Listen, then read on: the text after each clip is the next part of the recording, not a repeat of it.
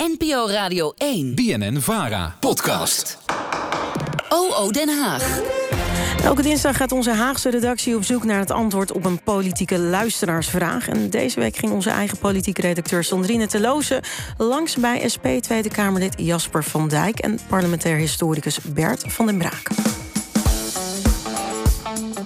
De Nieuwsbv. De vraag Aan Den Haag. Vorige week hadden we het in de vraag aan Den Haag al over moties. En daar gaan we vandaag nog even op door. Een tijdje geleden deed ik mee aan een pubquiz. En een van de vragen die daar gesteld werd was... naast een motie van wantrouwen en een motie van afkeuring... is er nog een derde motie. Welke motie is dat? Nou is dat niet mijn vraag aan Den Haag, want dat kan je ook gewoon googlen. Maar dat is dus eh, de motie van treurnis. En mijn vraag is, wanneer gebruik je eigenlijk een motie van treurnis... en hoe vaak wordt die ingediend?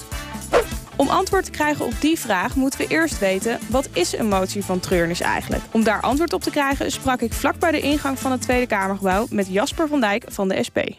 Een motie van treurnis is een ehm, uitspraak van de Kamer dat eh, het gedrag of een eh, beleid van een minister wordt betreurd. Het is niet dat de minister moet opstappen. Het is, het is een beetje een, een, eh, een poging van een Kamerlid om te zeggen... ik ben niet blij met het beleid van deze minister, maar ik ga hem niet wegsturen. Ik doe een motie van treurnis. D- dus dan, dan, dan bent u een soort van teleurgesteld.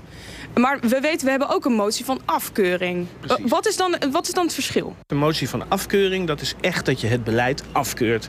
En dat je eigenlijk tegen de minister zegt, u moet weg. Als die het haalt, die motie. En dat geldt al helemaal voor een motie van wantrouwen, want dan zeg je, u hebt gejokt. En de motie van treurnis is een beetje een halfzachte poging om te zeggen, ik ben teleurgesteld, maar that's it. Heeft u hem wel eens ingediend, die motie van treurnis? Nee, precies om die reden, omdat ik het eigenlijk een beetje gekke tussenvorm vind dus. En dan denk ik, ja, motie van treurnis. En dan haalt hij het. En wat dan? Dan zijn we allemaal even huilie-huilie. En dan gaan we weer over tot de orde van de dag. Zoals je dat bij een motie altijd zegt. Oftewel, het stelt niks voor. Maar er worden per jaar wel duizenden moties ingediend. Hoe vaak zit daar dan een motie van treurnis tussen? We schakelen een hulplijn in. Ik stapte op de fiets, want een stukje verderop in Den Haag... is parlementair historicus Bert van der Braak aan het werk. En ik mocht hem even storen.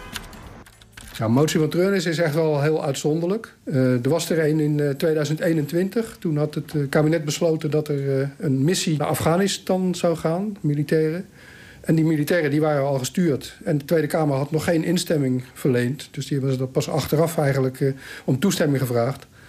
En toen heeft eh Kati Peri van de PvdA die heeft een motie van treurnis ingediend... dat het toch, ja, toch afkeurenswaardig was eigenlijk... dat de Kamer zo laat op de hoogte was gesteld. Die haalde een meerderheid. Maar dat betekent dus ook... de minister hoeft eh, ook geen consequenties daaraan te verbinden. Die nou ja, kon het zien als een eh, tik op de vingers, zeg maar. Maar niet meer dan dat. Dan kom ik gelijk bij Jasper van Dijk. Zegt dan van, ja, deze, deze motie is, is eigenlijk een beetje een suffe motie... omdat er dus geen consequenties aan verbonden zijn.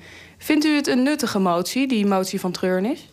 Nou ja, daar kan je inderdaad over twisten. Het is wel toch wel een tik op de vinger natuurlijk. Dus wat dat betreft kan je zeggen dat is wel nuttig.